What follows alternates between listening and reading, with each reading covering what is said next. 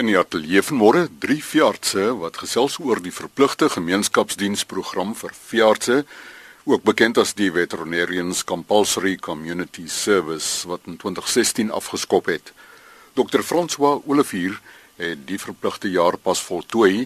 Dr. Eileen Pipers is staatsveearts Boland en Dr. Annelie Kloete, staatsveearts opleiding en staatskuddes in die departement Landbou Weskaap. Eileen hoe die gedagte vir so 'n program ontstaan. Chris, the compulsory community service program for veterinarians was an idea that was proposed by the Department of Agriculture, Forestry and Fisheries many years ago. In fact, I think probably around 2002 but it took a very long time to put it all together and especially to wait for the legislation to change. So the Veterinary and Paraveterinary Act had to be amended to allow these veterinarians um, to be obliged to do this year of compulsory community service.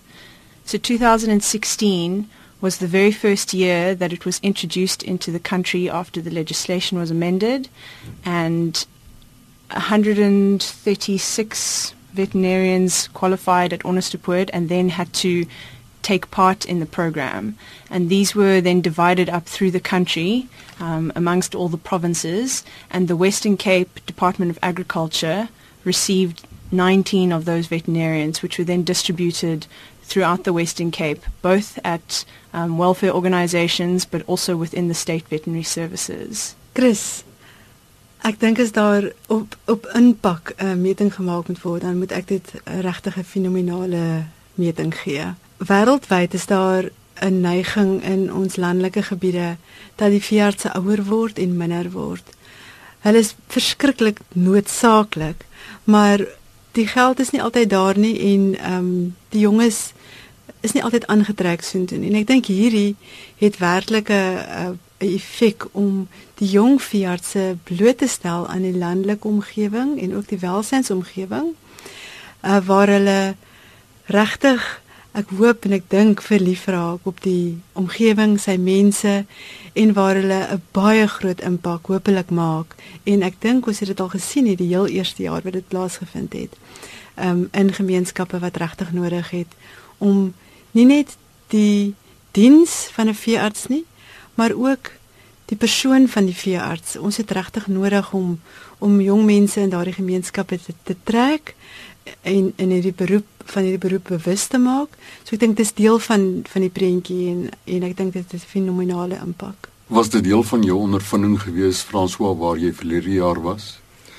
Definitief ja Chris, ek sal sê um dit het my blootgestel aan aan 'n deel van veeartseny wat ek andersins nie aan sou blootgestel geword nie. Ek het daar in Beaufort Wes my my gemeenskapsdiens gedoen en ek het nou nooit toe ek myself al voorheen as 'n veearts sien gedink ek sal in die welsyn betrokke raak en so nie, maar ehm um, met deur middel van die gemeenskapsdiens het ek nou baie daarmee te doen gehad en soos ek sê, dit het my net oop my oë oopgemaak na na die die aanvraag wat daar is veral in die in die minderbevoorregte gemeenskappe waar daar waar hulle nie noodwendig die geld het om 'n privaat veearts te bekostig nie. So ehm um, as 'n as 'n as 'n hond of 'n kat daar so siek raak, dan dan kan hulle eenvoudig niks doen nie terwyl nou gee ons die gemeenskappe half 'n 'n oplossing daarvoor en ehm um, die program is nog in sy beginstadium, so dis nou nog nie dat ons al die probleme opgelos het en so nie.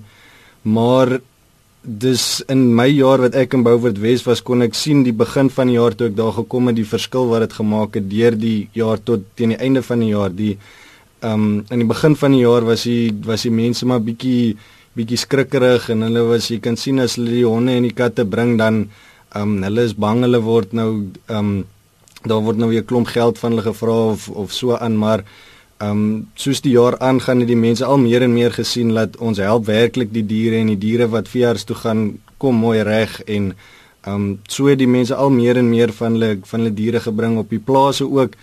Ehm um, baie van die die informele plase, hulle ehm um, daar word geen veearts en hy kundige sorg aan die diere gegee nie. Terwyl ek kon ook nou sien in die begin van die jaar was was ek minder uitgeroep terwyl einde van die jaar toe die mense begin oopmaak daarvoor die die kleiner boere het begin sien dat as jy hulle vra om na hulle skape te kom kyk, jy behandel nou nie net die siek skape nie, gee vir hulle voorstelle en so om hulle hulle hele produksie te verbeter om die die algemene gesondheid van die diere te verbeter sodat daar minder siek diere is en sodat hulle op die einde van die dag meer produktiwiteit uit die uit die boerdery kan kry. So dis ek sal definitief sê dat dit in my ervaring het dit 'n definitiewe positiewe impak gemaak. Beaufort West beskik oor twee staatsveeartse, Dr. Jaco en Dr. Benny. Hoe danig was jou skakeling met hulle? Ons gemeenskapsdiensveearts het saam met met Dr. Benny en Dr. Jaco in dieselfde veeartskantoor gewerk.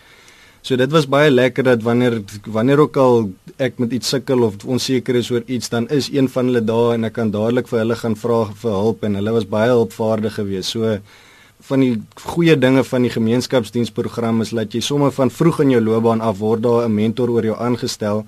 Want as mens kwalifiseer dan het mens maar nog baie ervaring wat jy moet leer en dit baat altyd om by iemand met meer ervaring vir hulp te gaan vra. So dis dis een van die groot positiewe dinge wat ek uit die gemeenskapsdiens um program uithaal is dat ek dat ek kontakte opgebou het en en mentors het wat wat my kon ondersteun en my kon help deur die proses.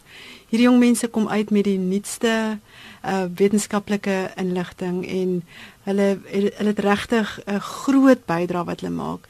Ek moet sê in my jare as jong veearts in die praktyk ingekom het, het ek altyd by hulle geleer. Hulle besef nie hoe waardevol die die opleiding is wat hulle reeds ondergaan het nie. So dis regtig 'n baie waardevolle groep mense wat kom en en die energie en die entoesiasme waarmee hulle goeders aanpak omdat hulle omdat hulle reg is vir hulle loopbaan. Dit is net 'n wonderlike ding om te ervaar vir my as 'n as 'n ouer veearts. It was one of the things that the department said right from the beginning that any compulsory community service vet would only be placed into a position where there was a veterinary mentor available to introduce them to the community, to ensure that they have all the necessary equipment that they need to do their work, that they weren't just placed out in some outpost somewhere with nothing and, and told to sort of just go forth and do their work. So they tried really hard to ensure that everything was in place for the vets. And this project was actually the brainchild of Dr. Tembile Songabe, who used to work for the Department of Agriculture here in the Western Cape within our veterinary services program. And he left in uh, a couple of years ago and moved to the Department of Agriculture in Pretoria and drove this program, getting it out there. And unfortunately, very tragically, Dr. Songabe passed away in May last year. So within the Western Cape Department of Agriculture, the 19 veterinarians that we got down here, um, although the DAF is paying their salaries and continues to pay the salaries of the vets for the future years as well, the Western Cape Department of Agriculture is the support system for them, and we do the liaison with the organizations that these veterinarians are placed at and we ensure that everything runs smoothly and that when they arrive here they're given a good orientation and induction into how things function down here. So for 2016, some of the vets worked within animal health and worked in some of the animal health state vet offices like um, Dr. Ulifir and Dr. Van As. But then some of them were also placed in the export control program. Um, some of them were placed in the veterinary public health program and worked in abattoirs within the Western Cape where they really made a huge improvement, especially with regards to awareness of animal welfare issues. And then many of them were placed into welfare organizations where they were dealing primarily with dogs and cats and helping the communities of um, people who own pets. Ons het uh, hier binne die Weskaap Departement Landbou ook 'n aantal beurshouers onder daardie groep en en volgende groepe en ook in jare van tevore en daardie beurshouers word maar sover moontlik geakkommodeer binne in die departement. Drie van ons vier beurshouers van laas jaar was ook dan geplaas in die Weskaap en hulle almal het dan die geleentheid gekry om weer by ons aan te sluit dit gebeur soms dat iemand besluit om dit nie te doen nie, dan kan hulle hulle self uitkoop uit so 'n beersituasie uit. In my ervaring en in in die ervaring van die die groot meerderheid van my klas, is dit 'n baie positiewe ding. Dis die staat het baie goed vir ons gesorg en ons het altyd daar was altyd nie al jou medikasie wat jy moontlik kan gebruik nie, maar jy het jou jou gereedskap en dinge was daar gewees. Dis iets om na uit te sien en mens leer baie en My is die grootste ding dat ek blootstelling gekry het in 'n veld van veeartseny wat ek nooit voorheen sou gekry het nie. So dit dit maak mense oor regtig oop en dit is iets om na uit te sien.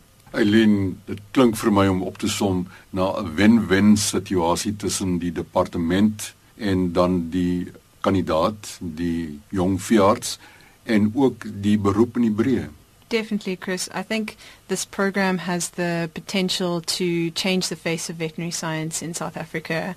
And I think one of the biggest changes that it's going to have is, as has already been mentioned, the exposure to children in, in rural areas that have previously never been exposed to veterinary science as a career.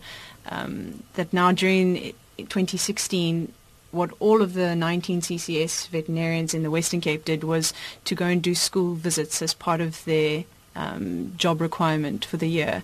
And they all did some sort of school talks. Some of them even did radio talks in the areas that they were placed in. And through giving that kind of exposure, it's allowed our profession to be um, spread wider amongst those communities that the benefits that a veterinarian can bring to a community, not just to dogs and cats, but also to farmers and the food security that comes with that. So I really believe that although we've had some teething problems in the beginning, as with any new project, that it can only go from strength to strength. And in 2017, we've received another 19 veterinarians um, in the Western Cape. They spread out much further this time. There's definitely better adoption of the program. More organizations are interested and have been requesting CCS veterinarians to be placed with them and I can see that it's just going from strength to strength and I think when we look back in 10 or 15 years time we will already see this as the turning point of the profession in the country. Oor die verpligte gemeenskapsdiensprogram vir veeartse het gesels dokters Annelie Kloete en Eileen Pipers beide van die departement landbou in die Wes-Kaap en François Olivier wat die program verlede jaar voltooi het. Vir meer inligting, hulle e-posadresse Dr. A I L E E N P by elsenburg.com Dr Annelie A N N E L I E C by elsenburg.com en Dr François Olivier F J O by woudemail.co.za namens die drie veeartse groete en beste wense